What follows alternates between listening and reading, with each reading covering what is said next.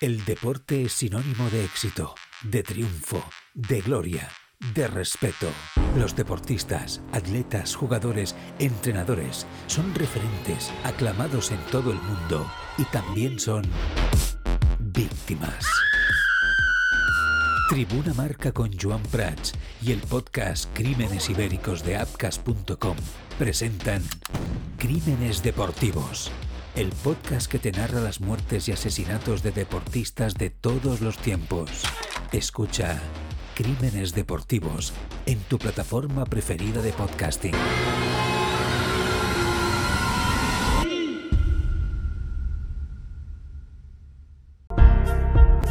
Tarda i benvinguts al Tribuna, un programa que fem damunt d'una bicicleta mentre xutem una pilota per marcar gol, avançant a la corba a 230 km per hora, amb la mà dreta llançant un tir triple, amb l'esquerra esmaixant amb la raqueta, i tot mentre nedem als 200 metres papallona. Això és el Tribuna Marca, amb Joan Prats.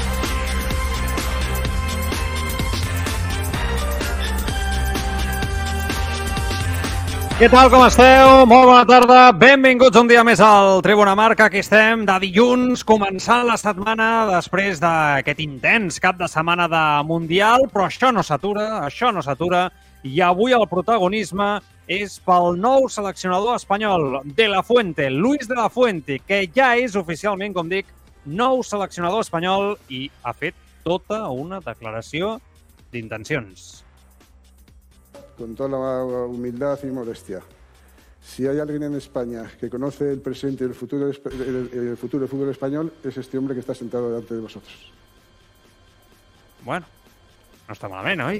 Com a primera presa de contacte. déu nhi Luis de la Fuente, amb aquest titular que ens ha regalat en aquesta roda de premsa al cantó del president de la Reial Federació Espanyola de Futbol, Luis Rubiales, conegut en aquest programa com el James Bond espanyol, el nou director de l'Absoluta, no és director esportiu, es veu, és director esportiu només de l'Absoluta, que és l'Albert Luque, jugador de futbol conegut per eh, tots, un de la Fuente que també ha dit que Luis Enrique l'ha felicitat personalment, ja que tenen bona relació. Rubiales també ha volgut deixar clar que la decisió d'apostar per De La Fuente correspon a un canvi d'estructura a la masculina i d'inici d'una nova etapa. També nega que Luis Enrique li digués que volia seguir, que volia continuar. Rubiales diu que la Déu de Lucho es va fer des de l'estima i l'admiració i també li ha enviat una salutació, ha aprofitat, ha dit des d'aquí lo saludo, diu que totes les parts estan d'acord amb les formes, és el que diu Luis Rubiales. Enrique es magnífica, de verdad excepcional,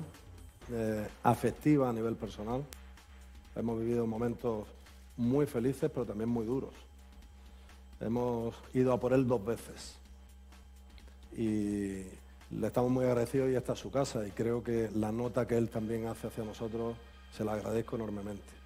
Lo que hay es diferentes conversaciones de dos partes, la federación y el hasta ese momento seleccionador, en las que están involucradas pues mm, José Molina y yo mismo por parte de la federación y también el seleccionador que son las convenientes, educadas y las aceptadas por todos los participantes. Por lo tanto, si los que hemos participado en esas conversaciones damos por buenas las maneras en las que se han producido, pues no hay mucho más que, que hablar. Todos contentos, Luis, todos contentos. De fet, aquesta nit, a partir de les 9, amb Ibai Llanos al seu tuit, sabrem si totes les parts dan todo por bueno o no, perquè eh, ho hem d'acabar de veure. En aquest cas, amb Luis Enrique Martínez, que parlarà i que bueno, ara donaré el meu punt de vista de que Luis Enrique avui parli a les 9 de la nit el dia que es presenta Luis de la Fuente. Simptomàtic, significatiu. Ara en parlem. Anem a saludar de moment el Carlos Rojas, que estarà aquí amb mi com és habitual els dilluns. Carlitos, què tal? Molt bona tarda. Què tal? Molt bona tarda. ¿Has disfrutado del fin de semana o no? ¿Has disfrutado o no del Mundial? Lo hemos pasado súper bien, yo creo. ¿eh? Sí, Está ¿eh? siendo un, un Mundial, para mí, mucho mejor que el 2018. Sí, mucho mejor. Sí, sí. Muy emocionante. Muy emocionante. Yo lo estoy pasando muy bien. La verdad, la verdad és que sí. Estem en directe a través de Radio Marca Barcelona, a través de radiomarcabarcelona.com. Ja sabeu que ens podeu escoltar també a través de l'aplicació mòbil de Radio Marca Barcelona. Saludem a tots els que ens escolteu cada dia a través del podcast a les diferents plataformes, que sou molts. Mira que majo, Carlos, que, que saluda a càmera quan digo que saludamos. Que majo és. bueno, i, I a part també, en aquest cas, al Twitch, twitch.tv barra el Tribuna. Això és el que es referia al Carlos, eh? que ens esteu veient, ens podeu Ara veure sí. a través del Twitch. és, és, és, A los del podcast es difícil que te vean. No, ya les he dicho, bueno, ¿qué tal? Bueno, no, no, pero hacemos video podcast, ¿no? En Spotify. Sí, és veritat, sí, sí. Ah, pues ja ja està, està, pues saludado, també. Ja està, claro, muy bien. Eh, al YouTube també estem, recordeu que tenim el grup de Telegram, eh, Tribuna Barça, en aquest cas, i el TikTok, eh, també. TikTok, eh, Tribuna Marca. I no sé, si voleu us dono el meu número de compte bancari també per, per fer donacions, perquè és que la veritat és que és increïble la de comptes i coses que tenim no? a nivell de xarxes, Por favor, dejad de crear redes sociales. redes sociales. Que no podemos estar en todos lados. Sí, sí. Instagram lo intentamos y fracasamos por el camino, ¿no? El equipo del programa. Sí, fracasamos literalmente. O sea, no, no, Pero yo no creo que nos viene, mejor, nos viene mejor el TikTok, ¿eh? Por- Sí, és más... Nosotros somos de contenido, eh? De, de contenido. Bueno, veig que al Twitch està ja el Palala 777, el Tugrom i el Juanito Guapito, el Jordi Albi al YouTube, bueno, tots allà arribant i saludant també el, el programa. Bueno, eh, anem per parts. Eh, anem per parts perquè, ostres, eh, aquesta roda de premsa segurament serà la protagonista, no?, el programa de el programa d'avui. Eh, no és per menys, presentat el nou seleccionador. Eh, farem una valoració primer sobre el to del mateix seleccionador i si voleu després anem escoltant ha coses més tècniques o respostes més tècniques i a partir d'aquí valorem més l'estil, no? el model, etc. El que és la performance, no? Eh, el que és la posada en escena, m'ha semblat que des del primer moment el que es volia era baixar el sufle. O sigui, des del primer moment he tingut aquesta, aquesta sensació. Crec que Luis de la Fuente ve un perfil baix, que és intel·ligent, perquè no ens enganyem, a nosaltres ens pot agradar més o menys, podem estar més d'acord, ens ho podem passar millor, però està clar que en línies de l'entorn de la selecció espanyola el perfil de Luis Enrique no ha agradat. Un perfil echau pa'lante, un perfil que... És veritat, Luis Enrique ha tingut problemes tota la seva vida allà on ha anat. Eh, et cau molt bé o l'odies. Llavors aquesta part més dolenta pues, entra en conflicte. En aquest cas a la selecció és l'exemple. El que passa és que, bueno, avui pues, eh, deixant titulars contundents com ni redes socials i, i tot entrevistes a mitjans de comunicació, i mitjans, o sigui, fent les paus amb els mitjans més conflictius o amb qui s'hagi no és nuestro caso, ¿no? Pero hay gente que se ha encontrado desde los medios atacado por el tema del Twitch, me parece surrealista, pero bueno, igual. Eh, bajar el tono, ¿no? Claramente, eh, en este caso, De La Fuente es otra persona, es una persona mucho más amigable, con menos carácter, seguramente, que el propio Luis Enrique, eso tiene su parte buena, su parte mala, pero el- objetivo hoy era bajar el sufle de la tensión. Lo ha hecho De La Fuente con su presentación eh, Happy Flower on the Night, ¿no? En todas sus respuestas, y lo ha hecho James Bond Rubiales, ¿no? Que, que claramente en todo momento nuestro amigo James ha estado, pues, eh, No le gusta el micro, eh. No, le gusta el micro, no, no. Yo no descarto que un día nos cante a los Sinatra, ¿eh? Eh, Luis Rubiales eh, se deje ir, ¿eh? Desde, Es desde bonito en un karaoke, ¿eh? Lo de Rubiales. Oh, Luis Rubiales de noche. Hombre, imagínate. Bueno, en fin, no me hagas hablar. En todo Sí, no. caso, dejémoslo ahí. Sí que, sí que es cierto que al fin y al cabo eh, daba la sensación que podíamos encontrar otro tipo de respuestas respecto al ambiente de la selección con el adiós de Lucho, etcétera. No ha pasado. Todo lo contrario, lo que acabamos de escuchar. También Friends Forever con Luis Enrique, e incluso lo ha saludado, ¿no? Por si estaba viendo la, presentación, ha saludado a Luis Enrique.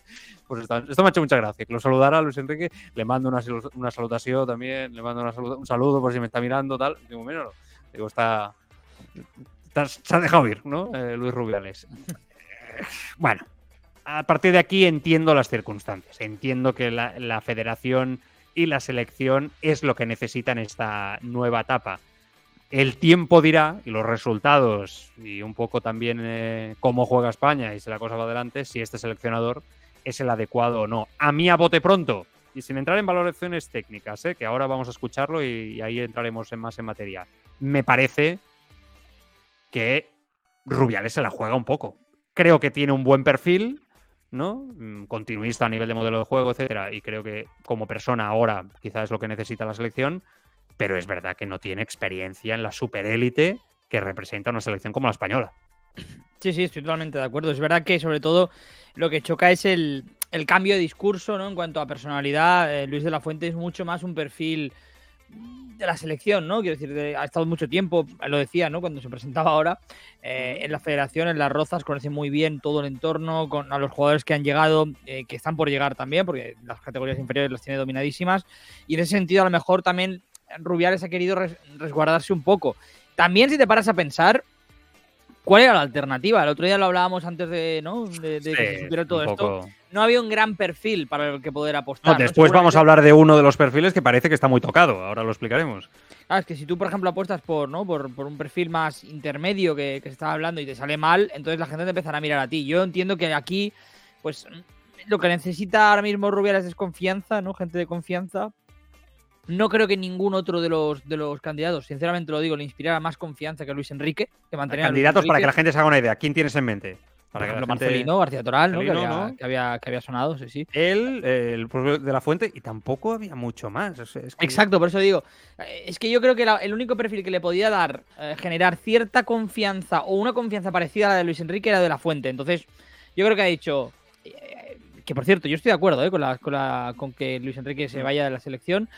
yo creo que le ha dicho, ha acabado un ciclo, mm, Luis Enrique no puede seguir porque los resultados son los que son y, tengo que poner a otro. ¿A quién, ¿A quién se lo doy? Voy a confiar en Luis de la Fuente. Y, eh, pero tampoco es la, mejor manera de escoger un ¿eh? técnico. ¿eh? Ya, sincero seguro que es, eso seguro. Pero no es la mejor manera de escoger un técnico por descarte. Bueno, no tengo nadie por aquí, tengo el de la sub-21 que es un buen tío, que tal, que oye, que, lleva una buena trayectoria, pero bueno, no tiene experiencia en la élite, vamos a ver cómo sale. Bajar al suflé, porque con Luis Enrique ha habido tensión, ¿no? En, torno, en el entorno. No me ha dado mucho la sensación de que Rubiales tenga mal rollo con Luis Enrique. Quiero ver a Luis Enrique esta noche, entonces seguramente lo sabré ya del todo. porque lo que tengo claro es que se tiene que explicar todo desde las dos partes, ¿no?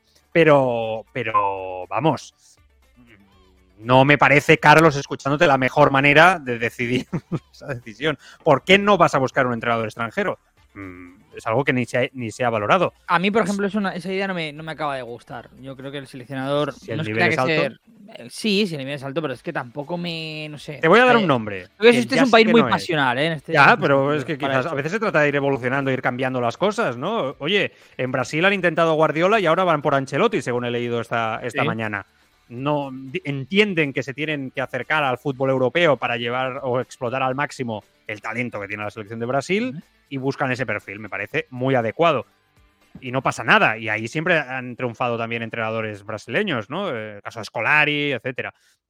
No sé, me viene a la cabeza Zidane, que parece que no va a ser en Francia, que tiene ya, ¿no? El entorno de Madrid no, no, pero que es el entorno de la selección. El entorno de Madrid lo, tiene ganado. Lo tiene ganado. o sea, yo, si quiero darle un vuelco, y además es una apuesta futbolística que va a ser atractiva, ¿no? Y que va a saber jugar en diferentes estilos, seguramente van a estar muchos de Madrid de ese entorno más tranquilos. No sé, o sea, es un nombre que lanzo siendo, siendo consciente que no va a ser, pero en Francia no va a ser, porque Deschamps parece que va a continuar, ¿no? Tras las semifinales de Francia, encajaría eh, en algo diferente. ¿Es de la fuente? Vamos a apoyarle, por supuesto. Y, yo celebro que no hayan destrozado lo hecho por Luis Enrique, que con De la Fuente te lo aseguras. Pero sí que es cierto que yo coincido contigo en esto que estabas explicando, que la sensación es que han escogido pues el que tenían por aquí, ¿no? El de la casa, sí. El de la casa y, el que, y, esto a mí, bueno, me genera dudas. Simplemente el tiempo, como he dicho antes, los resultados marcarán sentencia. Sin duda. claro. Y al final, y al final veremos. O sea, yo lo que, lo que creo que está claro es que no, no contaban con, con, una salida de Luis Enrique, cosa que me parece un error ya no solo de España, de cualquier selección, cualquier selección nacional ¿no? que haya encarado el Mundial, eh, el mm. Mundial y la Eurocopa, por mucho que tú vengas haciendo un gran trabajo, si te sale por casualidad te salen cuatro partidos malos, sabes que te tienes que, eh, tienes que afrontar este tipo de situaciones porque, por desgracia, para el fútbol de selecciones, lo que marcan los banquillos son competiciones de cada dos años. Cortoplacistas, ¿no? Muy, cortoplacistas. Y, Luis Enrique si hubiera ganado el Mundial, que si hubiera ganado el Mundial Luis Enrique o estuviera España en semifinales, bueno, que nadie dudaría de él. Pero el problema es mm. que Luis Enrique como seleccionador para mí no ha fracasado, pero su proyecto sí. O sea, él, lo que eh, ha hecho cosas muy buenas. Tampoco vamos a abrir esta vez ahora, ¿no? Que ya lo hemos comentado muchas veces, ¿no? Pero no, pero yo, yo me quedo con eso, aunque ha hecho cosas muy buenas que ha ayudado a evolucionar el cambio generacional. Yo creo que eso es innegable, que nadie se lo puede quitar ya. ¿no? Ha sido valiente con jugadores jóvenes que en otras circunstancias y con otros tipos de entrenadores no habían llegado nunca a la selección española, posiblemente. Con él han llegado. Y a partir de aquí vamos a ver, ¿no? Vamos a ver también con el tiempo. A veces las cosas se, ven desde otro prisma, ¿no? Yo creo que es lo bueno que tiene de, de la fuente. El resultadismo de Luis Enrique para mí es muy bueno hasta el Mundial porque el finalista en la Nations League yo creo que es un buen resultado, perder contra Francia. Yo creo que semifinalista de la Eurocopa es un buen resultado. todos lo dijimos aquí, ¿no? Dijimos, oye, pues muy bien España llegando a semifinales en esa Eurocopa, etcétera.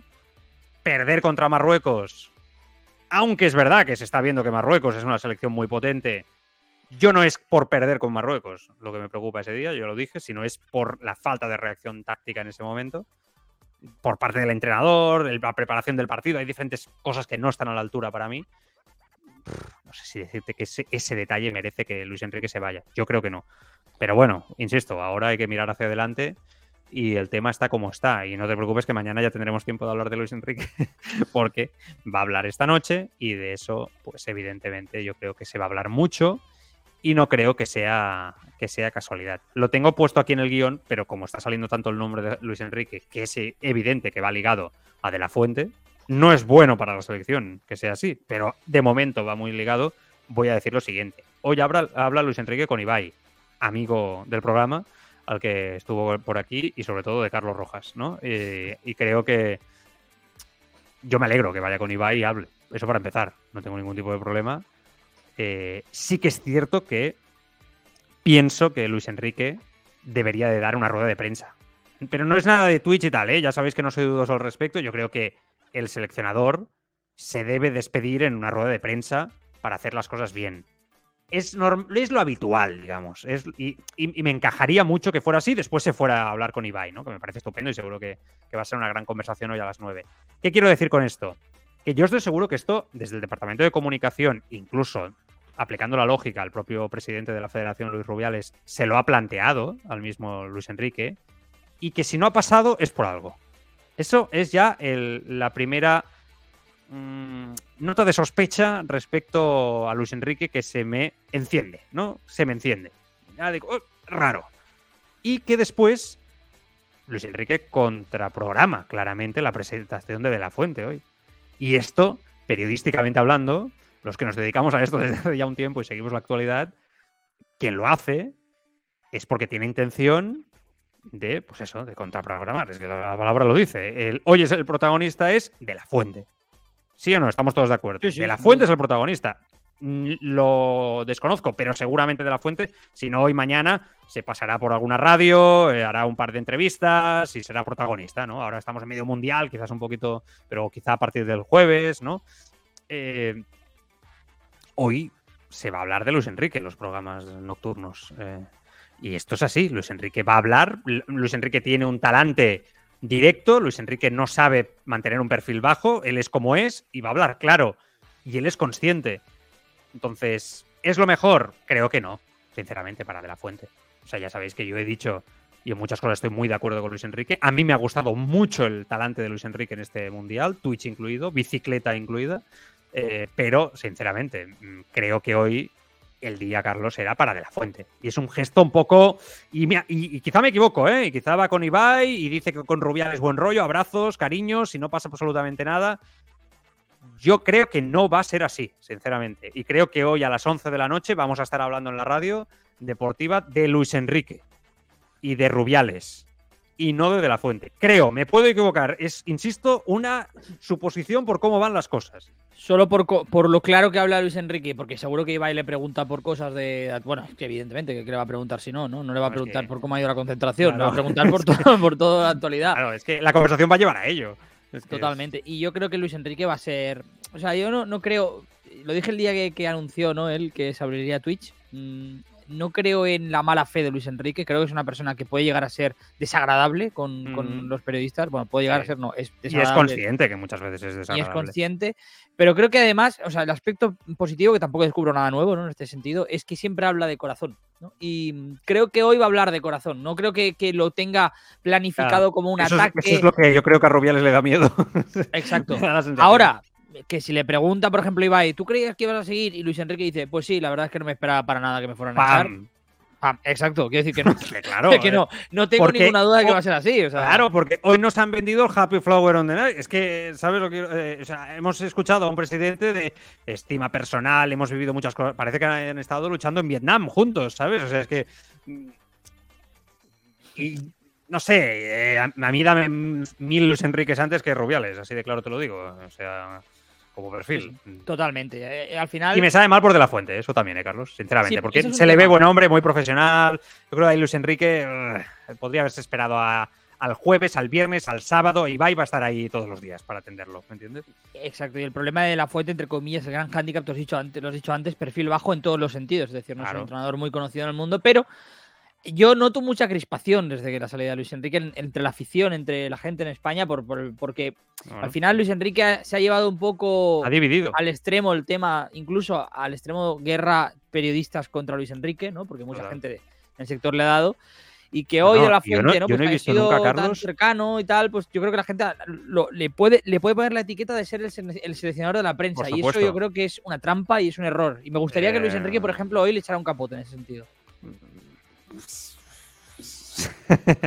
Dependerá de que Luis Enrique tenga una actitud X o no. Ah, por lo que nos han dicho hoy, Luis Enrique podría echar ese capote, podría entrar en esa línea. Quizás sí, ¿eh? porque Luis Enrique yo creo que puede dar el palo y la zanahoria y quedarse tan ancho y sabe compensarlo de una manera o de otra.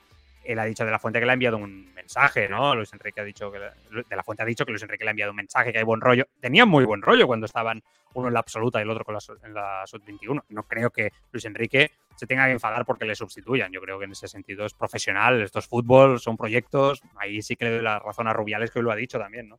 Pero es que ya sabemos cómo va esto. Y yo creo que, insisto, eh, Luis Enrique es tiene la suficientemente experiencia para saber que si el día que se presenta el nuevo seleccionador habla él también, eh, esto, eh, su voz va a pasar por encima del seleccionador que ahora mismo la gente tiene que escucharlo, tiene que conocerlo, es normal, es el, hombre que tiene que llevar la batuta de España en los próximos años y no nos engañemos, mm, no lo conoce nadie. O sea, entenderme, con todo el respeto hacia de la fuente. No, Carlos, no lo rías, ¿es verdad o no? O sea, joder, es que de, la, Fuente es un gran entrenador. conocido el mundo del fútbol. Pero no es conocido. O sea, hoy yo me me ha llamado un periodista muy amigo eh, que estuvo con él en una concentración hace unos meses y me ha explicado que pudo compartir con él un par de conversaciones y que es una excelente persona. Yo no tengo ningún trato con él, no lo conozco, no tengo datos, más allá de haberlo escuchado en alguna rueda de prensa de la sub-21, algún torneo, ¿no? Eh, pero claro, esta persona me decía, es, un, es, una persona con un talante majísimo, o sea, te explica las cosas, es un tío muy majo. Digo, bueno, pues me, me, gusta lo que me explicas, ¿no? Digo,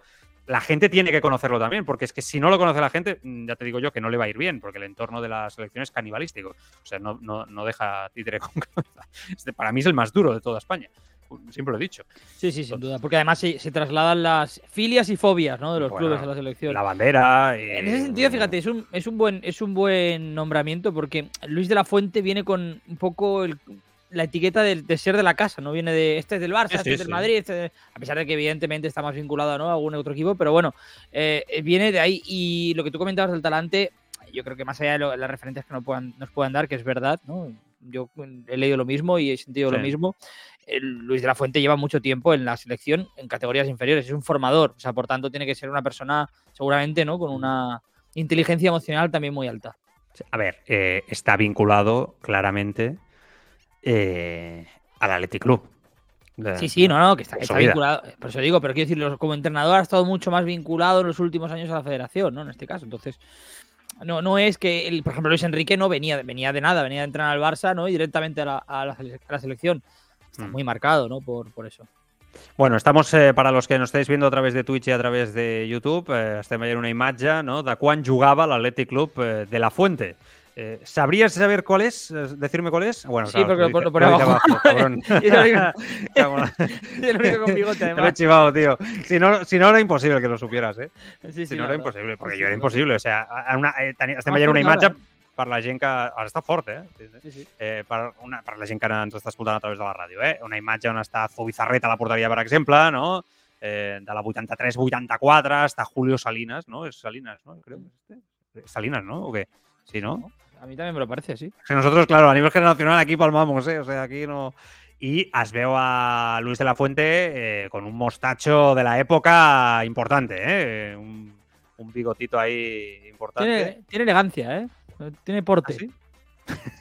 ¿Así? tiene porte. Así, bueno, bueno, no sé. Ah, echándole un capote aquí a no seleccionador. Claro, no, hay que apoyar al seleccionador, está claro. Bueno, en fin. Eh, bueno, siempre venga. Lo digo porque otros entrenadores vinculados al Athletic Club sentó mal a ese mismo entorno canibalístico, entorno de la selección, que parece que el único entrenador que aceptan es un entrenador que salga del Real Madrid. O sea, mm. si viene del Atlético es malo. Si viene del Athletic Club es malo. Si viene del entorno Barça es malo.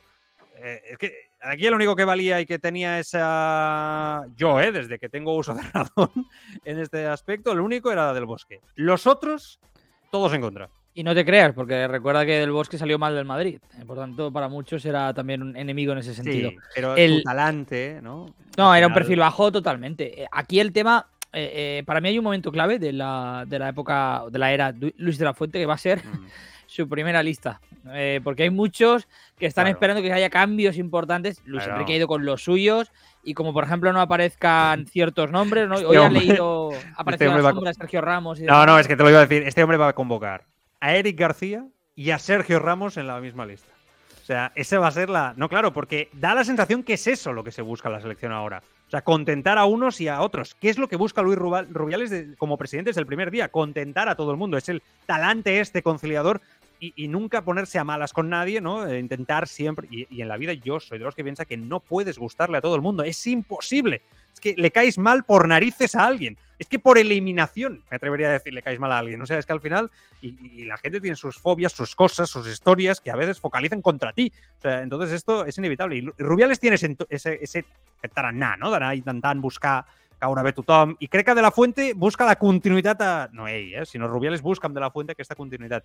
Y por eso digo, digo, la contradicción sería Eric García, que es el que el gran personaje criticado, ¿no? Que representa el modelo de futbolístico en este caso y el modelo Barça, el modelo Luis Enrique, etcétera, etcétera, y a la vez el ejemplar, la persona del madridismo que sería Sergio Ramos si llegara por la puerta grande, volviera a la gran selección española. ¿no? Mm, O- o lo Nacho. veo posible. O Nacho, sí, sí, que también les valdría. O sea, también. Sinceramente, yo creo que Sergio Ramos está en un momento de forma futbolística. Este es otro debate para estar ¿eh? en España, en la selección. Este es otro Para tema, mí, ¿eh? para mí fue un error que no, que no le llevara a Luis Enrique viendo, viendo, visto en retrospectiva porque no, no, no confío en sus centrales. Bueno, mm, Luis bueno. Enrique. Un corte de, de la fuente. Eh, vamos a conocerlo más, no? Anem a conèixer el més. Diu que tots els jugadors poden ser seleccionables de venir, sense cap excepció, i explica que li agrada donar llibertat al futbolista a dins de l'ordre. És el que diu de la fuente. Hombre, yo creo que es que al final eh, jugamos 11. Eh, dejar, eh, eliminar a un, ele- un- a un elemento de, de- de esa- de una alineación, de los componentes de un equipo, para que ya solo haga un trabajo determinado. A mí me gusta dar libertad al futbolista, dentro de, evidentemente, eh, un- unos registros de, de orden, de equilibrio. Yo creo que eh, tener un, portero que tenga facilidad para empezar el juego, iniciar el juego, superar líneas de pase, ser un- dar superioridades en muchas fases del juego, yo creo que nos viene muy bien. Como todo, todos tenemos que interpretar luego cuándo se asumen riesgos y cuándo no, cuándo es conveniente asumir esos riesgos y cuándo no. Eso los futbolistas son muy inteligentes y si no, también les, les transmitiremos nosotros en los momentos en, que, en los que nosotros interpretamos que se merece la pena asumir más o menos riesgos. Pero por supuesto prefiero tener un portero que además de todo eso pare y como los nuestros paran mucho y además aportan mucho juego también, nos da muchas opciones de juego con los pies, por eso tenemos un técnico de porteros que es el mejor del mundo, pues eh, no me cabe duda que nos aportarán todo lo que esperamos y más. Vale, talante conciliador. Eh, escuchamos también una pregunta que le han hecho sobre el modelo futbolístico, eh, però abans ens acomiadem dels oients de la FM. Eh, us deixem amb el Josep Lluís Merlos, que ve amb tota l'actualitat del món del, del motor i seguim nosaltres, eh, com dic, a, a través de les, eh, de les mil plataformes, com dèiem, com dèiem abans, no, Carlitos? Eh? Hay 50.000. Seguimos por aquí. Seguimos per aquí. Vinga, va. Ara hem d'escoltar una- la resposta que li han fet sobre el model, eh? eh però deixeu-me fer la, la desconnexió un moment ràpid.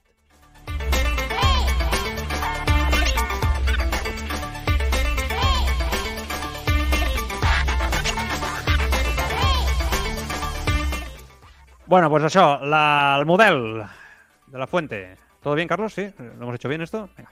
Eh, modelo futbolístico. Claro, esta es la gran pregunta. Muchos estarían encantados de que se tirara por la borda el modelo, ¿no? De hecho, eh, me ha hecho gracia conocer. eh, bueno, de- después lo explico. Lo, de la FIFA, lo de Klinsmann y un Horda. Se ve que la FIFA ahora te recomienda modelos futbolísticos si pierdes después de un mundial. Esto es la, nueva faceta de la FIFA. Pero ahora, ahora os lo explico. De la fuente, que me estoy enrollando, sobre el modelo futbolístico. Sí, por supuesto. Pero sin desmejorar nada. Nosotros hay, una cosa que sí que entiendo que es, entendedme, claro, que es innegociable, es una idea, un modelo. De ahí, eso se adapta a cualquier sistema, a ese modelo, a esa idea, tiene cabida, no es, no es para nada incompatible, todo lo contrario. Nosotros lo que yo trato de- es de incorporar conceptos, matices, para enriquecer el, el gran fútbol y la gran base que tenemos en el fútbol español. De esos matices que entenderéis que es normal, que cada, cada entrenador somos un mundo, somos diferentes, pues intentaremos crecer y seguir mejorando. Además, interpretando la evolución que tiene el fútbol, que va cambiando constantemente, intentaremos pues, eh, aportar ese- eh, esas necesidades, cubrir esas necesidades en nuestra perspectiva para intentar mejorar, ser cada día mejores. Entonces, no estamos cerrados a nada, yo creo que lo más importante es, es estar abierto precisamente a todo y a, a ir cambiando cuando la necesidad se, se estime oportuna. Vale, pasamos de la radicalidad en el estilo de Luis Enrique a una explicación del modelo, continuidad, porque eso está claro, eh, solamente había que ver jugar a la sub-21, a una manera de explicarlo mucho más abierta a cambios. Que después hará lo que le dé la gana a este señor, ¿no? Pero de momento la, la explicación es esa, ¿no? Y yo creo que esto ya va a gustar a mucha gente. Va a bajar el sufle. ¿eh? Lo que, lo que he dicho es que todo el perfil es bajar el nivel de tensión en torno a la selección. Sí, pero fíjate que yo también lo que entiendo cuando escuchaba ahora de la fuente es que el modelo de juego, es decir, que evidentemente va a venir con su idea, pero eh, a pesar de que no va a romper con Luis Enrique, está claro que hay una intención de mm, dar un giro importante en el juego. Sí, a mí me da la sensación de que, pero no lo tiene tan claro de la fuente, ¿eh? es decir, no sé, no, sí. Yo creo que si él tuviera tan clara su idea, la habría explicado con más, ¿no? Más vehemencia. Yo lo que él ha explicado, creo, con Quizá no. diferencia es el tema de la, de la flexibilidad, ¿no? En ese, en ese sentido, porque quizá todavía no ha encontrado su, su equipo, ¿no? Ni, ni la idea de juego que quiere implantar. Dicho esto, estamos a finales de 2022, el- la Eurocopa queda un año y medio, eh, prácticamente. Sí, muy poco, muy poco. ¿Tendría sentido que España un año y medio de una Eurocopa cambiara este estilo futbolístico? Esta es la gran pregunta, ¿no? Eh, ya sabes mi respuesta respecto al estilo. Yo creo que es evidente y España le ha ido muy mal jugando otra cosa. Aún peor que, ahora últimamente. Pero mm, ¿cambiar qué significaría? Pues acercarnos a lo que juegan Francia, eh, selecciones con un fútbol quizá más directo, eh, sin una importancia tanto en la construcción del juego, ¿verdad? Y con jugadores quizá que saben buscar mucho más los espacios, con centrocampistas técnicos, pero mucho más atléticos también en lo físico, un fútbol más, más físico, más moderno, no sé, llámale como quieras, ¿no? Con un 9 fijo, no, no jugando como falso 9, etcétera, etcétera. ¿Esto España lo puede hacer? O sea, es que esta es una gran pregunta, ¿eh? Porque ahora hablamos mucho de si el modelo, etcétera, etcétera. Yo creo que este es el modelo que debe tener continuidad. Pero ¿España tiene jugadores para jugar como, como juega Francia o puede jugar otra selección? Yo es que no los veo yo, ¿eh? sinceramente. Exacto, es que al final también, también depende un poco. Hay, o sea, hay muchas cuestiones más allá de, de las polémicas y todo el ruido mediático con las listas. Cuando De La Fuente haga su equipo y haga sus primeras convocatorias, pues hay muchas cosas que, que yo creo que son clave. Eh, ¿Tú a qué vas a jugar? ¿A una selección que tenga a Tiago en la, en la convocatoria o una en la que no tenga a Tiago? ¿Qué vas a jugar? ¿Con Morata de 9 o vas a apostar eh, por cambiar el sistema a jugar con falso 9? Probar a Ansu Fati incluso ahí, si, es que De La Fuente, por ejemplo, cree en él.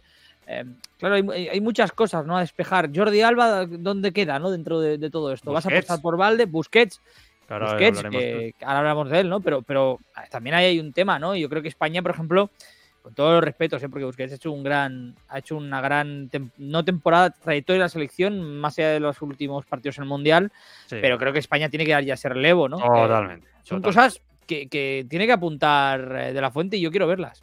Sí, sí, y, y- y hace falta mucha personalidad para hacerlo, ¿eh? Que seguramente si lo dejan trabajar, el hombre pues va a poder hacer un buen, un buen trabajo. Yo es que creo que el riesgo no está en el conocimiento futbolístico del personaje en sí. Yo creo que está en, en- en la personalidad para dominar, uno, el entorno de la selección, que es muy duro, es muy duro, y, siempre, o sea, con todo el respeto, pero Iñaki Saez, todos los seleccionadores, eh, todos los jugadores que habían sido entrenados por él en categorías inferiores, Xavi incluido, hablaban maravillas. Todos maravillas. Llegó a la selección y es que lo destruyeron. Es que lo, lo derrumbaron. Jamás, nunca más Iñaki Saez volvió a ser un entrenador de un nivel élite. Nunca más después de aquello. Porque es que eh, acabaron con su prestigio a nivel entorno ¿no? de la selección. Es verdad que aquella selección también en un cambio, eh, no, no, no, estaba bien construida, no- fracasó también, eh, se puede decir claramente, pero, ostras, recuerda mucho, ¿no? Esta etapa. Esperemos que le vaya mejor. Y después está el tema de gestionar grandes egos. Luis Enrique, tú te lo crees. Cuando tú te viene Luis Enrique y tal, este tío juega en el Barça, este tío ha sido, ¿no? Se ha enfrentado con los mejores jugadores del mundo, se ha dado leches con medio, medio, con medio, medio mundo del fútbol. Es un tío que además de la fuente puede pecar por ahí. No, es que conoce a todos a nivel de categorías inferiores, etcétera. Hay muy buen rollo. Sí, sí, bueno, bueno. Una cosa es la sub-21 y chavales menores de 21 años, y otra cosa son estrellas en sus equipos formados ya mentalmente, muchos de ellos, con estatus, ¿sí o no, Carlos? Que van a la selección y exigen. Dicen, oh, esto aquí. O sea, por eso yo valoraba tanto la piña que generaba Luis Enrique como bloque ¿no? en, ese entorno. Entonces, quiero ver cómo gestiona los egos, ¿no? Eh, porque ahí tiene que. Es nuevo para él, para De La Fuente es nuevo, ¿no? A ese nivel, y eso no es fácil. Entonces dices, ¿la experiencia o la falta de experiencia en ese aspecto puede ser definitivo? Quizá no pero no sería el primer caso que se lo lleva por delante. No mm. sé, me he ido ahora por los cerros de Úbeda, pero. No, pero, pero, pero por ejemplo, yo creo que hay un precedente muy claro con esto. Dos, incluso, si quieres. Eh, el más reciente de todos es Gallá, ¿no? El caso Gallá. Mm, mm. ¿Cómo lo hubiera gestionado la fuente? ¿Cómo lo hubiera hecho? Es verdad que también parte de la base, ¿no? Que dices, claro, a lo mejor es que la fuente le gusta mucho Gallá, ¿no? Y claro. No hace eso. Pero bueno, eh, pongamos el caso, ¿no? Que él decide tomar eso y se encuentra con esa respuesta, ¿no? Con ese prácticamente una presión brutal, ¿no? Que hubo mm. una respuesta brutal. Eh, corrige la, decisión, que puede pasar, ¿eh? También puede decir, al final, bueno, al final nos lo quedamos y demás. Mm. Otro caso, el de Sergio Ramos. Sergio Ramos, Luis Enrique fue el que decidió, ¿no? Unilateralmente prescindir de él. Luis, recordemos que Ramos no se ha retirado de la selección. Y es verdad que, entre comillas, a Luis Enrique le ayudó que, que Ramos se fuera del Madrid, ¿no? Seguramente. Pero yo creo que habría habido con un entrenador de perfil bajo como de la Fuente, si de la Fuente decide que no está Ramos en el equipo, yo creo que la presión habría sido aún mayor la que tenía Luis Enrique. Pero como ven que es una persona seguramente, ¿no? Que a la que le puedes, entre comillas, ya se me entiende, ¿eh? influir más porque no tiene quizá ese carácter, ¿no? Ese En España hacen un, falta un par de narices, decirlo de otra manera, ¿no? Sí, sí. El Raúl Selección de 2006, 2007. Mm. Sí, sí. Aquello fue, madre. Bueno, en fin. Eh, ¿Cómo se hace daño a una defensa, a sistemas entramados defensivos tan cerrados como el de Marruecos o el de Rusia? ¿no? También nos vale.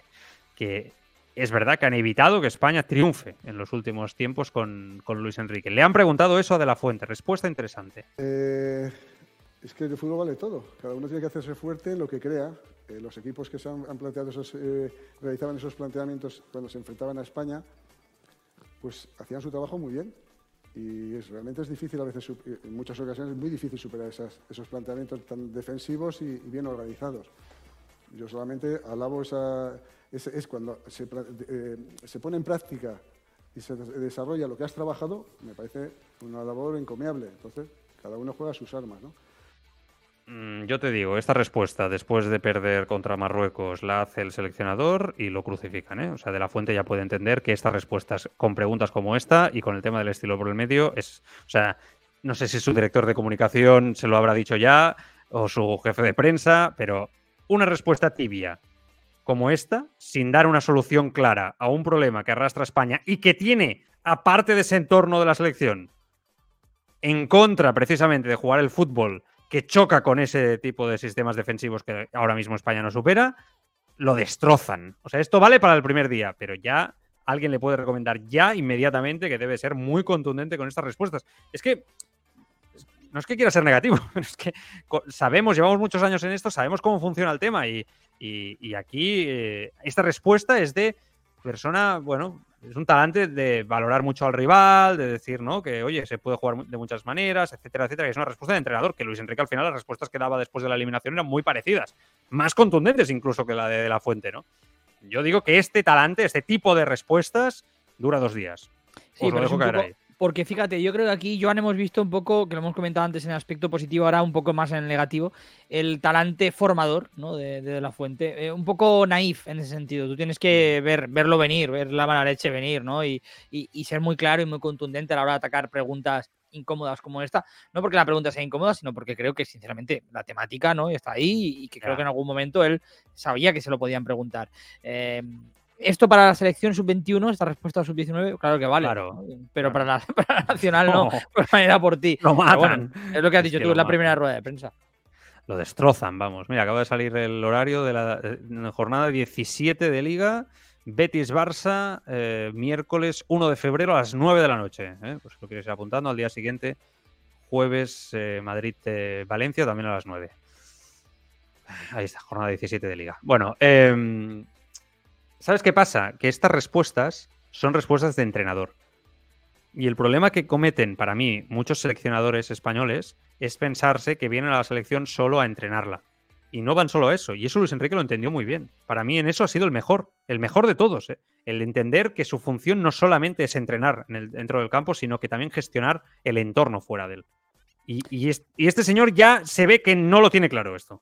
Eh, Hoy eh, por- eso yo, yo siempre, cuando me la, cuando muchas veces ha salido el debate, no digo solo en, la- en la radio, eh, fuera también de Mm. ella, eh, ¿por qué hay tantos jugadores ¿no? que son entrenadores? Yo creo que va un Sí. poco por ahí, porque el jugador conoce el mundo del fútbol. El mundo del fútbol no solo es conocer lo que se siente en el campo o los argumentos tácticos de un equipo u otro, también es conocer todo lo que hay fuera, Claro. no, no ser inocente, saber por qué te van a criticar. No, no, no, es que es vital, es vital. Y de la fuente, a pesar de que ha jugado, que no, que no lo digo porque no haya jugado. Pero en otra época, otro momento, es muy ahí es diferente. donde iba, es Esto le pasó a Kuman. una- Kuman llegó al Barça pensándose que conocía al Barça y se encontró con un mo- mundo moderno, diferente. Es mucho- mucho más Igual de duro, pero diferente, mucho más mediático, claro. Antes era igual de duro, ¿eh? O sea, en los 90 era muy duro el entorno del Barça, igual, seguro, y el de la selección también. Pero es verdad que ahora hay más herramientas que o estás adaptadas a ellas o te, te devora el tema. Es No, que- pero ya no, ya no solo eso, eh, es que de la Fuente, con todo el respeto, ¿eh? ha estado en el Athletic, que el Athletic es un club muy grande Ahora en este país. No, no, no, que es muy grande en este país, pero no tiene el entorno tan horrible, entre comillas, No, que no, tiene Barça, Madrid o mucho menos. Ni mucho menos. Tienes toda la razón. Eh, DNI, va a mirar el DNI. A ver, Va por ramos esto, básicamente. Por la edad de algunos jugadores, ¿eh? De la fuente, seleccionador. Ahora tengo la posibilidad de elegir cualquier futbolista de España. Cualquier español que esté en condiciones de estar. Entonces, no cierro las puertas a nadie. Soy un, un ferviente convencido del talento joven que hay en España, de la gran calidad que hay de los futbolistas españoles, pero soy también un gran fan de los futbolistas más veteranos que tanto nos han dado y tanta historia han hecho para el fútbol español y que muchos están todavía compitiendo al máximo nivel y que muchos están todavía en la selección. Así que, como decía anteriormente, las puertas de la selección las tienen todos abiertas y en su momento tomaremos la decisión si será un equipo u otro, un jugador u otro. Pero en ningún caso vamos a estar pendientes de si del carnet de identidad ni, ni nada que eso que se le parezca. Queremos rendimiento y que formen parte de este equipo, que se sientan parte del equipo. Bueno, de la roja, dice. Y cogía la camiseta con la mano mientras lo decía. Es que, claro, yo, es que, claro, es que esta pregunta estaba preparada. Te digo yo que este el primer día convoca a Ramos para bajar el sufle. Te lo digo yo. Es que aunque no crea, aunque sea una convocatoria solo. Es que te lo digo yo. es que Veremos, porque yo, no sé si te acuerdas de la polémica en su momento de Sergio Ramos y los Juegos Olímpicos, que en Mm. aquel momento Luis de la Fuente era el seleccionador que, Mm. que llevó a España a Tokio. Y hubo mucha polémica porque Ramos quería meterse y a él cuando le preguntaron de la Fuente, y Piqué, y él dijo, quiero jugadores que se lo hayan ganado. Mm. Fue claro, ¿eh? De la fuente no llevó ni a Ramos ni a Piqué. o Ni sea, a tuvo la personalidad para hacerlo. ¿eh? Es, es verdad. Con las presiones que hoy, por las filtraciones, sabemos que hubieron. Busquets. Esto me ha sorprendido.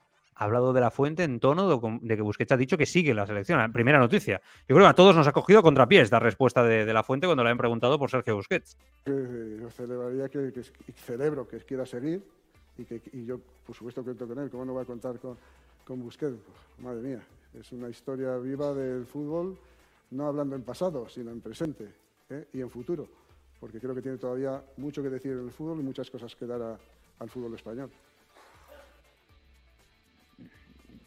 ¿Desde cuándo Busquets eh, ha dicho que sigue? Si precisamente estamos en Barcelona pendientes de su futuro, ¿no? Y se retiraba, en este caso, del Barça, de la élite y también de la selección española. Daba la sensación que esta era un poco la decisión. Y de golpe, no sé si él habrá hablado con Busquets y Busquets le ha dicho que está dispuesto a seguir. Pero es que al final Busquets va a, va- a jugar hasta los 59 años. Le Eh, están se obligando, siente- entre, entre el Barça y la selección le están obligando. ¿eh? el pobre se quiere ir para su casa a Miami, ahí estar eh, tranquilamente y, y- y hay una psicosis al día después de Busquets que, que no vas a encontrar un medio centro igual, pero que para mí, lo voy a decir claramente, a día de hoy Rodri es mejor jugador por momento, ¿no? A nivel histórico, por momento que Sergio Busquets. Creo Sí, que ahora mismo da más. Y no pasa nada. El problema es el Barça, quizá, pero también así me parece exagerado. Pero en España tienes a Rodri ahí, un relevo de maravilla. El deporte está lleno de momentos épicos, de grandes rivales, partidos inolvidables, jornadas para la historia y en algunos casos, puntualmente, golpes de efecto que lo cambiaron todo. Abcas presenta un podcast repleto de personas increíbles, de grandes deportistas y de momentos, de situaciones que han pasado a los anales de la historia del deporte. Descubre Golpe de Efecto, un podcast con las grandes historias del deporte y los grandes deportistas. Golpe de Efecto, de Upcast, ya en tu plataforma de podcasting. Y otro, el, y el que quiere el Barça, Zubimendi, que también lo, puedes convocar, Mm, quiero decir, es seleccionable. verde, pero está más verde. No, no, porque, porque quiere decir que tú puedes decir, mira, voy a hacer una apuesta por Zubimendi a ver qué tal, ¿no? En Ya, ya, esta nueva España. Pues quiere decir que en ese sentido no entiendo esa psicosis. No sé si es un tanto institucional la respuesta de, De la fuente, Mm. ¿no? Pero, pero a mí, sinceramente, yo lo digo claro, me preocuparía que De la Fuente quiera convocar a, a Busquets. O sea, que la primera convocatoria de, ¿no? de, de- de la España de la. Fuente sea con él en marzo. Eh. Creo que es en marzo la primera. Vamos, sería, sería muy preocupante. O sea, para mí no, no sería empezar con, con buen, con buen pie. Y también te digo una cosa, por mucho que Ramos esté para ir, no creo que el principal problema de la selección española ahora mismo Ah, sea la pero va a ir Ramos, porque Rubiales busca bajar el soflé, Carlos. Y seguro que aunque sea el que da bien del primer día, ¿me entiendes? Sí, sí. Van a intentar bajar. Yo, bueno, creo, eh, me puedo equivocar, evidentemente. Y la prueba, una más, en la última, el último corte de, de la fuente, de que quería hoy Rubiales y su entorno tener un- una rueda de prensa bajando esa presión y ese nivel que había con Luis Enrique, le preguntan por las redes sociales, ¿cómo se va a comunicar? Esta pregunta era obligada, iba a caer sí o sí, ¿no? Si iba a tener tweets, si iba a tener redes sociales. El hombre eh, no sé, se ha manifestado como si fuera, vamos, un anti... un inadaptado al mundo mundial, o sea, al mundo actual. Parece que ni redes sociales ni nada, todo medios de comunicación. ¿eh? Y si puede con señales de humo también. va. no las utilizo, pero ya ayer salieron algunas eh, cuentas en Instagram diciendo, me ponían como si eran declaraciones entrecomilladas, como si fuera yo el que hablara. Por favor, yo no, hago, no utilizo, insisto, redes sociales. Todo lo que tenga que saber de mí, España, el público, el mundo, será a través de los medios de comunicación. No, insisto, mm, que no hagamos caso si salen noticias o, o me pongan en mi, en mi boca, insisto, de- eh, a través de redes sociales será a través de los medios de comunicación de todo lo que tengan que enterarse y todo lo que me pregunten y pueda responder. ¿Vale? Gracias. Y todos contentos, ¿eh? muchos contentos ahí. Medios de comunicación, entrevistas otra vez, el Twitch a quemarlo. Ya, Yo creo que este, este, esta declaración, que, que yo entiendo lo que quiere decir de la fuente, no le ha hecho ningún bien para el aficionado. Por, por lo que digo, ¿eh? pero no por otra cosa, porque creo que ahora mismo hay una crispación brutal en medios de comunicación, los de partidarios de Luis Enrique contra los medios y los Es con los que quiere estar bien Luis Rubiales, con los medios de comunicación, no con Twitch ni con Ibai. Eh, exacto, pero no le hace bien porque eso, entre comillas, voy a, voy a ser malo, aunque yo sé que es lo que quiere decir Luis de la Fuente, le posiciona a favor, le posiciona muy cercano de la- a, a Rubiales Hay división y ahora en mismo. contra y en contra a, a él. Y es, es una trampa muy fácil para el aficionado, porque el aficionado al fútbol al final, ya me entiendes, es muy Sí, sí. básico, ¿no? En el sentido, no Bueno, dice mira, lo has que yo dado la quiero, palabra. estás- estás contra mí. Eso es lo que me ha parecido el señor de la Fuente en esta respuesta, muy básico. O sea, él se ha esforzado por ser, yo me da la sensación más tradicional incluso de lo que puede ser él en su vida privada, que lo desconozco completamente, con el uso de las nuevas tecnologías, con las redes sociales, el TikTok, el Twitch. O sea, me da la sensación que ha hecho un esfuerzo más allá para parecer eh, un hombre de los años 80. ¿eh? O sea, que... Está claro que la, que- que la federación no ha gustado el Twitch de Luis Enrique. Yo creo que eso No, se puede, se puede. Lo decían algunos compañeros, ¿no? Eh, Durante el fin de semana, pero yo creo que ya es Es que evidente. con esta declaración está claro que quiere lo que tú clarísimo. dices, mandar ese mensaje. Está clarísimo, está, está muy claro. Bueno, eh, va a hablar después Luis Enrique a las 9. Mm, Vamos a ver qué, qué dice. Un corte de esta mañana en la tribu. Un hombre tocado, un hombre hundido por la elección de Luis de la Fuente. ¿Quién? Marcelino García Toral, el hombre que debía ser el seleccionador para muchos de España en sustitución de Luis Enrique. Parece que esperó a España hasta el último momento e incluso rechazó ofertas y el hombre está tocado. Toribio, ¿de Marcelino qué? Porque ya contamos la semana pasada que estaba absolutamente devastado, ¿no? Es una de las últimas víctimas. Le ha pasado lo que a Caparrós. Sí, sí. Eh, se habló tanto de Es el nuevo Suena Mitchell, ¿no? El Suena Marcelino. Él se veía en el, en el banquillo de, de España porque al final le daban prácticamente como candidato único y cuando de repente se enteró que era Luis de la Fuente, pues eh, no voy a decir traicionado, pero sí que se siente muy decepcionado, abatido, desolado, bastante tocado y no sabe a dónde apuntar, si culpa de los medios, si culpa de la federación, lo que piensa es que no es culpa suya, por eh, bueno pues por filtrar ese interés de, de, la federación. Es más si le dicen creo que te has equivocado por exponerte tanto se enfada bastante el técnico asturiano. Así que está bastante tocado por su no elección como seleccionador en favor de Luis de la Fuente. Es lo malo del, del mercado Antonio tú que lo conoces bien cuando levanta bueno eh... Toribio tiene buenas fuentes, se lleva bien con Marcelino, la información es eh, buenísima pero no sé, me parece muy inocente por parte de Marcelino. Me sabe mal, ¿eh? Yo me sabe mal porque no es el estilo futbolístico que a mí más me gusta, Marcelino, pero lo considero un buen entrenador. Creo que ha hecho buen trabajo en diferentes equipos. No sé si del nivel de España, eh, ya lo comentamos en su día con Carlos aquí también. Pero, hombre, me parece muy inocente. Tú, esto es fútbol de élite. Te pueden escoger, no te pueden escoger. Tú estás en una lista eh, y finalmente han escogido a otro sé, pues a ser para adelante, ¿no? Es que, no sé, es que me, me, choca, sinceramente. Luis Enrique quizá seguía. Estaba rechazando ofertas cuando Luis Enrique daba la sensación hace dos días que iba a seguir. Me, me, me choca mucho esto. Yo no, me, yo no me acabo de creer, o sea, la información sí, pero no me acabo de creer que, que Marcelino realmente piense eso. Yo creo que está es dolido, enrabitado, diría la palabra, ¿no? Porque. Hablaron con él seguro. Porque, seguro, si pero no... yo también creo que, la, que, el acercamiento, me da la sensación, por, por, cómo se cuenta, que el acercamiento es más de Marcelino a, a la selección que de la selección mm. a, a, Marcelino. Que él tenía muchas ganas, que él dijo, ostras, pues si no hay nadie, ¿por qué no me cogen a mí, no? Seguramente soy el, el más, el más indicado y seguramente él se movió. Yo estoy seguro que la federación lo consideró, porque si no, no estaría ¿no? Con, este, mm. con este sentimiento pero a partir de aquí lo que tú dices, lo que puede pasar que, que no te cojan, ¿no? Y, no nos engañemos, tú tienes que ser sincero contigo mismo. Marcelino, por dar las circunstancias, ¿podía ser seleccionador de España? Sí, porque no había muchos entrenadores disponibles, pero Marcelino era el perfil ideal o, o tiene el caché de un entrenador élite para entrenar a España? Pues lo, lo, cierto es que no.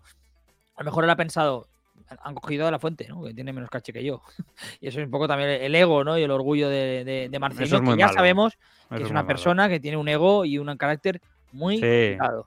Tú tienes que hacer tu camino y que los demás triunfan, les va mejor, pues oye, tú con tu camino y tu vida. Eso siempre, nunca pensar, ¿no? Esto es una lección de vida que me ha, me ha enseñado a mí la vida. O sea, cada uno aquí, pero yo creo que siempre tú tu camino. Y después, si el otro le va bien, le va mal, etcétera, tú tu camino. ¿eh? Tu camino. Bueno, se están riendo por aquí, que estoy con gente. ¿eh? Decisiones eh, filosóficas. Nos vamos al Mundial. Ahí veis el cuadro en Twitch y en YouTube. Francia, Marruecos, Argentina, Croacia. Eh, está chulo el Mundial, ¿eh? Carlos, está... está chulo. Mira que he visto apuestas de gente en el mundial. Yo lo tengo y, claro, ¿eh? Y esta no la he visto en ninguna. en la realidad. El fútbol no, no, pero, pero, pero ah, es verdad, ¿eh? es, es, bastante sorprendente. Pero llegados aquí, yo creo, vamos, que es muy difícil que Francia y Argentina no estén en la, en la final. Pero muy difícil. Esto es fútbol, puede pasar de todo, entra el componente emocional. Te diría más Croacia que Marruecos en este sentido aunque Marruecos es verdad que tiene un sistema defensivo. A mí me recuerda, ya te lo dije, me recuerda mucho a la Grecia de, de la Eurocopa. Sí. Eh, se parece mucho el caso.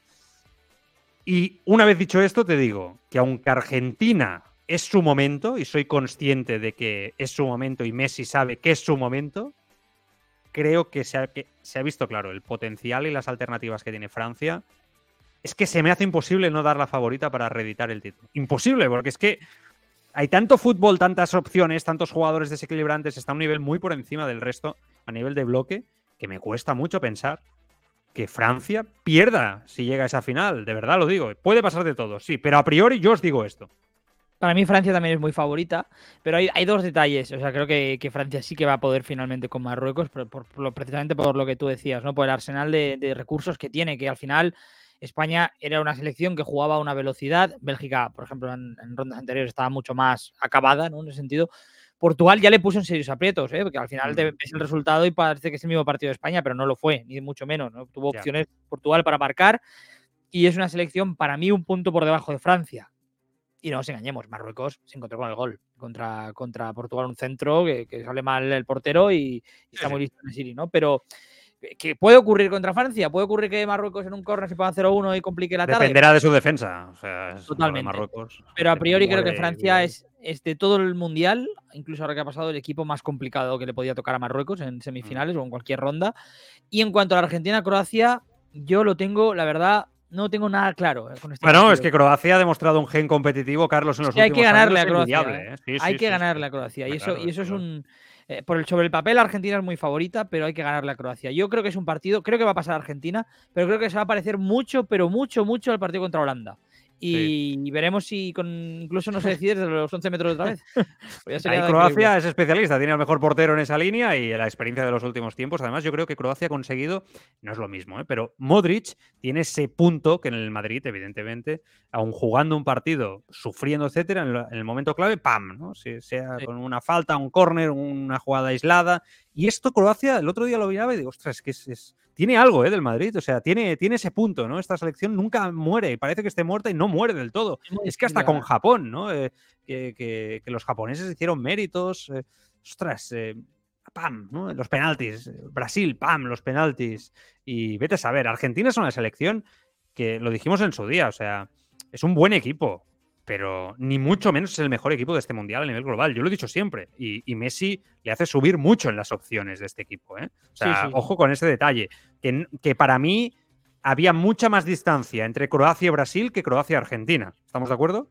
Sí, sí. Yo, yo eh, totalmente de acuerdo, pero, pero en cuanto a lo que es Argentina como bloque, a mí me parece un equipo más difícil de ganar que Brasil. también. competitividad, el momento, Sí. cómo están de- Argentina es un equipo metidos, enchufados. Muy competitivo. El problema, el problema es que contra Croacia te va a tocar llevar mucho más la batuta, ¿no? Eh, es verdad que Holanda ya se Mm. resguardó un poco, pero Croacia yo creo que se va a resguardar más. Mucho. También te digo una cosa, Croacia puede pasar, yo creo que, que tiene opciones serias de pasar, a diferencia de Marruecos, pero creo que no tiene ninguna opción contra Francia en la final. El único equipo que Ah. puede ganar a Francia es Argentina. Argentina y Messi, sí, sí, totalmente. El único. Es- eso, eso es verdad y, y que Messi es un jugador estelar y si Messi llega a una final ante Francia, eh, aquí Messi va a intentar que no le pase lo que le pasó en 2014, ¿fue? ¿no? Sí, 2014 fue. contra En Alemania. 2014, ya lo estoy perdido, 2010 fue a España, 2014 contra Alemania. Creo que esa va a ser la intención, ¿no? Me da la sensación de que Messi va a dejarse la vida porque ese momento, el tiempo se pare ahí para siempre ganando un mundial. Y Messi en ese nivel de enchufismo es, o sea, es difícil, muy difícil de frenar, ¿no? Cuando es que. Messi, hay que decirlo, eh, Messi, Messi en, la final- en el, el Mundial de 2014, yo siempre lo he dicho, Eh, eh, está muy sobrevalorado el Mundial de Messi en 2014. Sí, sí, el, de, es el verdad. de 2022 está siendo mucho mejor que el de Buah, 2014. muchis- Nosotros el Messi- mejor mundial de Messi, el mejor, con Sin- sin diferencia. duda, sin, sin duda, sin- sí. sin diferencia, además. ¿eh? Eh, todo lo que estamos viviendo con Messi en las últimas horas es un ataque mm, brutal desde algunos sectores también de Madrid hacia Leo Messi por lo que pasó con el tema de Holanda. Voy a dar mi punto de vista, después escucho a Carlos como siempre. Eh, es verdad que para mí forma todo parte de la tensión de un partido. Para mí, exagerada la sensación con la que llegan los argentinos a la previa de ese partido respecto a las palabras previas de los holandeses. Me da la sensación que se utiliza por parte de Scaloni para motivar a sus futbolistas, incluso de Messi, de los veteranos. Creo que es un recurso. Mm, me da la sensación que Messi, no sé, creo que exagera un poco, ¿no? En- Defendiendo a Riquelme en ese momento, o sea, busca esos componentes patrióticos, ¿no? Que puedan acabar de enchufar a la gente en Argentina con su figura, defendiendo, defendiendo a un icono como Riquelme, que es muy querido por la cultura argentina, haciendo la celebración mirando hacia Bangal, que fue la persona que claramente no aprovechó el talento como el de Riquelme, que tampoco lo puso fácil ¿eh? en el Barça, o sea, hay que decirlo así. O sea, tampoco lo puso fácil. Messi ya estaba en ese momento en categorías inferiores en el Barça cuando Bangal entrenó en esa segunda etapa al Fútbol Club Barcelona. Pero después todo lo que pasa yo creo que es fruto del partido. Los holandeses provocan, sí. Los argentinos provocan, sí. Lo- Unos son marroñeros, los otros sí. Mateo Laoz está mal. Para mí no tanto. Creo que es un poco exagerado. Yo he visto arbitrajes de Mateo Laoz peores, sin ser un árbitro que me guste, que ya lo sabéis. A mí no me gusta Mateo Laoz. Nunca me ha gustado. Pero es cierto que creo que los argentinos intentaron utilizar este punto para desestabilizar. Les fue de un pelo, esa es la verdad. Les fue de un pelo, de una tanda de penaltis. Así de, así de claro. Y después está el tema del. ¿Qué miras bobo, no? ahí también creo que yo nunca había visto a Messi así, la verdad, en mi vida. Y, y, yo creo que le hace más mal que bien. No tiene que por qué ser perfecto todo el mundo y todo el mundo tiene derecho a enfadarse en un momento determinante y a calentarse, por supuesto. Estás ahí con la tensión, el partido, lo entiendo pero creo que no le hacía ningún bien y que es exagerado y que esa actitud chulesca hay que saber ganar y perder, ¿no? Eh, no sé, en ese momento, insisto, eh, Yolanda para mí no supo tampoco ni perder ni ganar si hubiera ganado porque ni uno ni otro creo que estuvieron a la altura de deportividad. Hubo mucha tensión, se debe de entender como tal, pero claro, en Madrid, estoy diciendo muchas cosas y después eh, ordenarlas va a ser complicadas, ¿no? Pero eh, en Madrid yo creo que se ha aprovechado esto para ir contra Messi porque hay auténtica psicosis a, a que Messi gane el Mundial finalmente, que soy tú, evidentemente ya lo es, pero bueno, algunos necesitan este mundial para situarlo como el mejor del, de la historia del fútbol. Y creo que es pasarse, ¿no? Eh, es pasarse. Y fijaos que os lo está diciendo uno que os dice que Messi no estuvo mal, no estuvo bien, ¿no? En, en ese caso, igual que Argentina, tampoco Holanda. ¿Estamos de acuerdo? Yo estoy de acuerdo, pero en parte, yo ¿En Voy, a voy, a defender más a Messi. Yo es que creo que Messi de los jugadores de Argentina es el que mejor se comportó. Bueno, no, no, claro. O sea, dicho esto, fue el que mejor se comportó. Por ejemplo, no mirando a los rivales cuando acaba la tanda con esa foto que se ha hecho tan famosa, ¿no? Etcétera, etcétera. Pero, hombre, Carlos.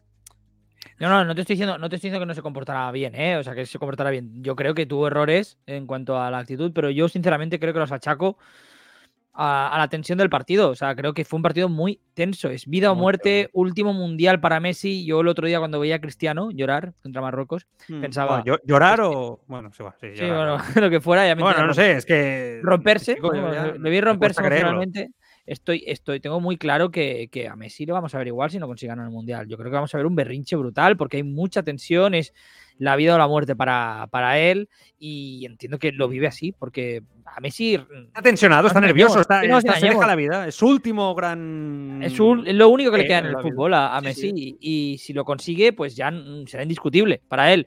Porque además ya no solo es ganar un mundial el orgullo y, ¿no? y el prestigio eh, personal, sino porque yo creo que pasará a ser su figura maradoniana en ese sentido, ¿no? Prácticamente. O sea, es muy importante para él dentro de Argentina esto. Muy, exacto, porque así para él muy es muy criticado. O sea, tú piensas que pasa de 2016 a dejar la selección a 2022 a ganar un mundial y ser adorado como un dios. Para él es muy importante. Claro, claro, es muy, le va la vida y, y, yo entiendo en ese sentido que a veces pues pierde un poco la compostura y que a lo mejor lo de la entrevista pues fue un poco entre comillas mala suerte porque justo sucede cuando está en una entrevista, ¿no? Si le pasa en el campo nadie diría nada. ¿no? Claro, pero tú tienes que ser consciente con 35 años. Totalmente de acuerdo, pero que, tienes una cámara delante y el Yo creo que está en una este... situación extraordinaria, Joan. Eh, ya, está en una situación sí. extraordinaria es en todos posible, los es posible. No, si yo soy el primero que está, que está diciendo que hay una campaña ya utilizando esta pelea ¿no? que hubo con los holandeses para desacreditarlo en las formas. Pero sí que es verdad que yo, pues, joder, ahí cálmate, ya has ganado, los holandeses no se han comportado, es, evidente, que lo ha visto todo el mundo, que han sido duros, que el árbitro quizá debería de haber estado quizá mejor en alguna acción, sin ser nada exagerado. Estamos de acuerdo que lo de Mateo Laoz es, que se ha ido para casa ya, por cierto. Me parece que es exageradísimo lo de Mateo Otro Laoz. mundial maravilloso de Mateo Laoz. Bueno, ya, pero, pero, pero, pero ¿es exagerado o no que, que, la crítica a su arbitraje por parte de los argentinos? Sí, pero es, es totalmente... Tanto? Pero es una cuestión, es una cuestión de lo que tú dices. Yo creo que lideran un poco el, el sentir de Messi. Messi están muy tensos, les va la vida. Detesta a Mateo Laoz de la liga. O sea, lo odia. Recordemos que Mateo Laoz evitó que el Barça ganara una liga. Anuló un gol, en este caso, ante el Atlético de Madrid, que en el Camp Nou, en 2012, que le hubiera dado la liga, era legal, le hubiera dado la liga sí. al Barça y lo, lo, anuló. Lo digo porque esto Messi seguro que lo tenía guardado. Y si tú sumas eso, ¿no? lo que comentamos, el bagaje con que Messi pues está ahora mismo como una escopeta de feria de nervioso, pues dispara y dispara y dispara. Y, y, y si lo que, donde diga Messi que es el rival, va toda Argentina detrás ahora mismo. Y eh, señaló a Mateo Laoz y bueno, Mateo Laoz lo hemos visto. De todas formas, dicho sea de paso, lo de Mateo Laoz es que es lamentable. O sea, es que a mí, sinceramente, me parece un árbitro muy, muy, peli muy, peligroso para el fútbol y muy peligroso para partidos de máxima tensión, porque ya le vemos el afán de. El, pro el problema es, sí, es la provocación. El Exacto, problema es la provocación. Porque el, el, pitar, pitar a nivel de criterio no es tan mal árbitro. O sea, yo, me, yo lo he estado analizando muchas veces y tiene mm, partidos buenos, peores, algunos mejores, otros peores. Es la provocación. Porque él, con su actitud, condiciona el resultado de alguna manera, porque los jugadores cambian su manera de entender el partido, se tensionan de tal forma que eso condiciona entradas, expulsiones, maneras de actuar sobre el partido. Totalmente. Ese es el problema de Mateo Laoz. Es que un árbitro tiene que saber medir la temperatura del partido. Y, y Mateu es que no es que sea un termómetro, Mateu es el elemento agitador. Esto, claro. Es- Yo- ese yo- es el tema. Yo me ese acuerdo cuando vi lo de Paredes, que tiró el balón a- al banquillo, estaba viéndolo en casa y yo dije, madre mía, es el momento de Mateu. Es el momento de Mateo. Mateu. Y- todo- y fue el- y fue el eh, momento de Mateu. Y fue el Mateo, sí, sí. No, y cómo les habla y siempre, ¿no? De esa manera que les coge del brazo, les toca y le- hostia, Dios. Esto te, te, marca, te marca y al final, bueno, pues es, si es que eso es, es- ahí le doy la razón. No sé, creo que todos estaban muy tensos y, y aunque fue un gran espectáculo futbolístico, porque fue muy entretenido el partido verlo, yo creo que todos Sí, nos- sí. nos lo pasamos muy bien, es cierto que las actitudes de algunas personas no fueron tan ejemplares, ¿no? En este, en este caso. Un último tema. Hoy Mundo Deportivo publica que Unagi, ¿no? Se llama así, o Unagi, de Marruecos, 22 años. eh, el Barça está interesado, es el número 8 de Marruecos, es el famoso número 8 que destacó Luis Enrique en rueda de prensa, del Angers, eh, último clasificado de la liga francesa, ¿no? Si no me equivoco. Angers es Francia, ¿verdad? Sí. Eh, bueno, mm, a mí me suena a nombre, yo lo he dicho esta mañana ya en el canal de YouTube, me, me suena a nombre que ahora está de moda y el Barça, pues ¡pam! Se tenía que interesar eh, por uno. Hoy ha habido reunión de la cúpula deportiva de la ciudad deportiva para ver si se puede fichar o no. Ya sabéis que Laporta y Mateo Lamán dicen que no, con el tema del fair play económicamente que no se fiche en invierno y que Xavi y Jordi Cruyff están presionando para fichar, ¿no? Medio campo y centro del campo, en este caso medio centro pivote y lateral derecho, que esa claramente es la prioridad, aunque yo creo que acabamos la temporada con Koundé y esto es lo que va a haber. Pero esa es mi opinión. Ounagi, ¿es bueno? Sí. ¿Ha jugado bien? Sí. En Marruecos y en un entramado táctico muy particular. Esto es el Barça. ¿eh? Es que a veces nos eh, montamos unas películas con según qué nombres. de verdad que mucho cuidado con este tema. O sea, a ver si este jugador mm, que juega en el Angers llega al Barça y es que eh, a la primera pitada o el primer error se hunde. Es que hay que ir con ojo con este. Ese jo- joven y potencial tiene, pero a mí no me parece que sea nada del otro mundo, ¿eh? sinceramente lo digo. Yo personalmente, en, en- viéndolo, eh, viendo el mundial que, que está haciendo, yo entendería que acabe no en un grande, grande, grande, pero creo que, que un salto importante de en su carrera, ¿no? Que pase. Pero yo creo que el escalafón seguramente sería el intermedio. O sea, antes que el Barça tendría que haber otro, otro gran club, ¿no? Eh, de una categoría inferior. Yo quiero verlo en otro sistema. Claro. No le tengo muy visto. En Marruecos lo- lo ha hecho muy bien, pero ¿cuántos jugadores han hecho un buen mundial y después han desaparecido? Por desgracia, ¿eh? Por- pero bueno, eh, que si es una apuesta y te sale relativamente barato, que entiendo que el Barça lo ve como una oportunidad de mercado por, la, por el equipo en el que juega, si no te sale por más de 10 millones, pongamos, pues es una apuesta que si las condiciones económicas lo hacen Ujú. posible, ¿por qué no? no? ¿Por qué no intentarlo? No está mal tirada. Bueno, vamos a ver. Hay muchos mensajes seleccionados, muchísimos, ¿eh? de esta hora y pico de radio que llevamos, eh, analizando la actualidad de la selección, del Barça, etcétera, con diferentes temas y protagonistas a lo largo del día de hoy. Eh, ¿Qué has seleccionado, Carlos? A ver, venga, va, vamos a leer. Pues vamos leyendo, por ejemplo, Juanito Guapito 56 que decía, pues a mí lo del entrenador extranjero me gusta lo que tú comentabas y acabamos con los entrenadores, ay, perdón, con los entornos o las bandas mafiosas. DJ Jols decía, Luis Enrique es un pedazo de entrenador y no sé por qué le han echado, la verdad. España no tiene jugadores para hacer más y es lo que va a suceder. Traigan al entrenador que traigan. Por otra parte, en cambio, fíjate, para la 777 te apuntaba, no, Joan, el seleccionador tiene que ser español. Tu Gromi apuntaba también, eh, creo que esto era sobre Athletic Club que se enseñaba antes. Vaya equipo para, Vaya equipo para encontrarte en un callejón oscuro. Albert Catfree decía, van ficant en aquest home? No durarà ni dos dies. I després añadia, a mi que, que, que fiquin el que vulguin, jo no vaig amb Espanya, però la primera derrota al fotran fora. Eh, más comentarios, Iván San Juan 8 decía, el sistema es una cosa, el juego es otra, y, y otra cosa es cómo quieras jugar. Son tres cosas diferentes. Ojo, Palada 777 apuntaba sobre De La Fuente. Lo escuchado al señor De La Fuente es hablar mucho para decir poco y mojarse nada. DJ Ols decía, también es cierto que el pobre hombre tiene carisma cero. Un poco de palos, ¿eh? Para De La Fuente. No, no ha Eh, gustado por lo que veo, ¿no? no. No, en el chat por lo menos no. Eh, Juanito Guapito 56 decía, cualquiera vale, España no tiene nivel. Y respecto a los últimos temas que estamos tratando, por ejemplo, decía Palabras 777, por favor, dejémonos de chistes, hay que fijarse en un jugador sorpresa. Es Juboronic, el lateral derecho Mm. de Croacia. Por último, te apuntaba Jordi Albi. Mm. el, gol, el gol al que te refieres fue la temporada 13-14 con Tata Martino Ah, en el 13-14 banquillo. Es verdad, Sí. 13-14. sí. Cuando ganó el Atleti la Liga. Sí, sí. Sí, sí, correcto. Muy bien, gracias a todos por participar. Dama Turnem, mañana horario 5 Cinco y y media, media. ¿no?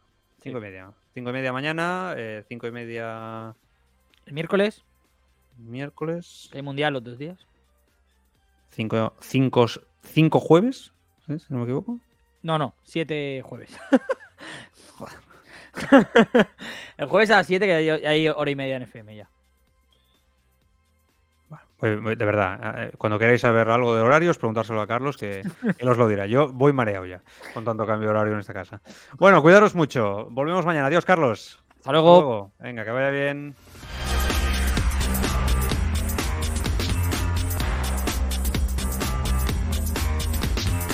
Los amantes del ciclismo ya tenéis vuestro podcast. Seas globero, amateur o profesional, apúntate a la grupeta de Escapa Podcast. La actualidad de la semana, las competiciones, ciclistas destacados, equipos.